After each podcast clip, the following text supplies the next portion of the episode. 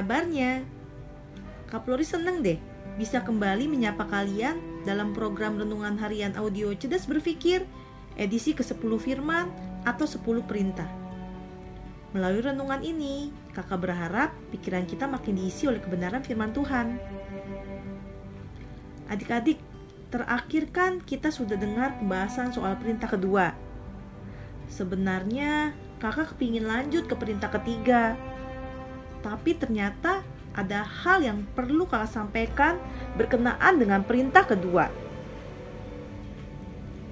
Pada episode lalu kan sempat dibahas bahwa walaupun harta kayak uang itu sangat diperlukan, tapi kita nggak seharusnya menjadikan harta atau hal-hal materi sebagai sumber kebahagiaan serta tujuan utama. Kalau aku punya banyak uang, pasti aku bakalan bahagia deh. Kalau aku punya handphone Banana X2 Pro Max, aku pasti bahagia banget deh. Bukannya nggak boleh bahagia, tapi kalau kita jadikan harta atau hal materi sebagai tujuan dari kebahagiaan utama, itu sama aja kita sedang menggantikan Tuhan dalam hati kita. Tapi masalahnya nih, kita sedang disuguhin pesan yang kesannya kayak harta atau hal-hal materi serta kebanggaan hidup adalah kebahagiaan utama. Dan karenanya itu semua kayak dijadikan ukuran kesuksesan seseorang. Orang dianggap sukses kalau punya uang banyak, punya barang-barang mewah, dan yang lainnya. Karena harta dan kebanggaan hidup dijadikan sebagai ukuran kesuksesan, ada orang-orang yang pamer harta untuk menunjukkan ukuran kesuksesannya. Si A pamer mobil mewah lah, pamer barang-barang mewah lah. Terus si B pamer liburan di sana sini dengan kendaraan mewah lah. Lalu si C pamer acara yang mewah lah.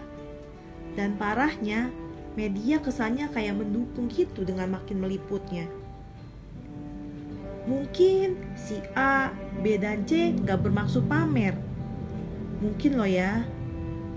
Mungkin mereka hanya menggunakan apa yang jadi kesanggupan mereka aja. Kayak kita, sanggupnya cuma bisa pakai sepatu sederhana. Ya kita pakai. Mungkin mereka kayak gitu. Mungkin loh ya. Tapi konten-konten pamer yang disuguhkan media kayak medsos, internet, TV, dan yang lainnya bisa jadi toksik atau racun buat kita.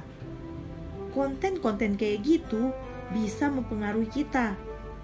Nanti kita bisa mikir gini, wah dia hebat ya, punya banyak uang, barang-barangnya mewah semua, koleksi mobilnya mewah semua. Dia udah sukses ya, pasti bahagia banget kalau jadi dia. Nantinya nih ya, kita bisa tuh jadiin ukuran harta sebagai ukuran kesuksesan. Pas kalian udah kerja, tujuannya supaya punya uang banyak dan beli barang-barang mewah. Kalau udah kayak gitu, hmm, hati-hati aja, jangan sampai kita jadi memberhalakan harta. Kalau kalian bekerja kelak, ya memang dapat uang. Tapi uang bukanlah tujuan utamanya bekerjalah dalam rangka mengabdi kepada Tuhan. Lagian ya, kekayaan itu hanya sementara kok. 1 Yohanes 2 ayat 16 sampai 17 bilang gini. Sebab semua yang ada di dalam dunia, yaitu keinginan daging dan keinginan mata serta keangkuhan hidup, bukanlah berasal dari Bapa, melainkan dari dunia. Dan dunia ini sedang lenyap dengan keinginannya tetapi orang yang melakukan kehendak Allah tetap hidup selama-lamanya. Nah, sebagai anak Tuhan, kita harus bijak dalam memilih konten yang mau kita konsumsi.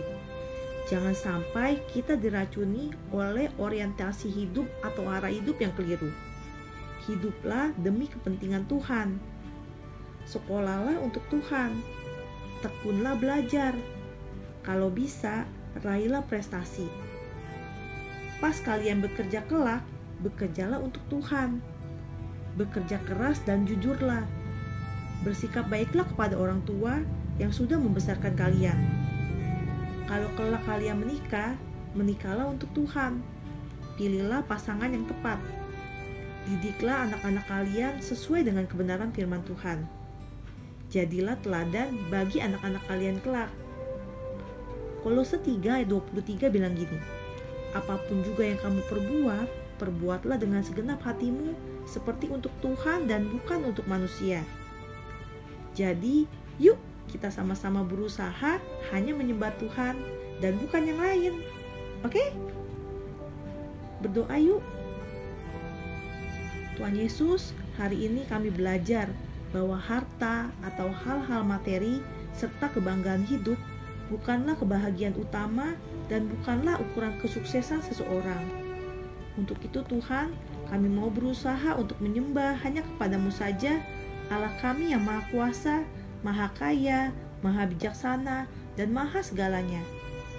Tolong dan bantu kami supaya apa pun juga yang kami perbuat, kami buat dengan segenap hati kami, seperti untuk Tuhan dan bukan untuk manusia. Di dalam nama Tuhan Yesus, Allah kami yang super baik, kami berdoa dan mengucap syukur. Amin. Oke adik-adik, sekian dulu renungan dari kakak ya. Tetap sehat, tetap semangat, dan tetap jadi berkat. Tuhan Yesus memberkati. Dadah!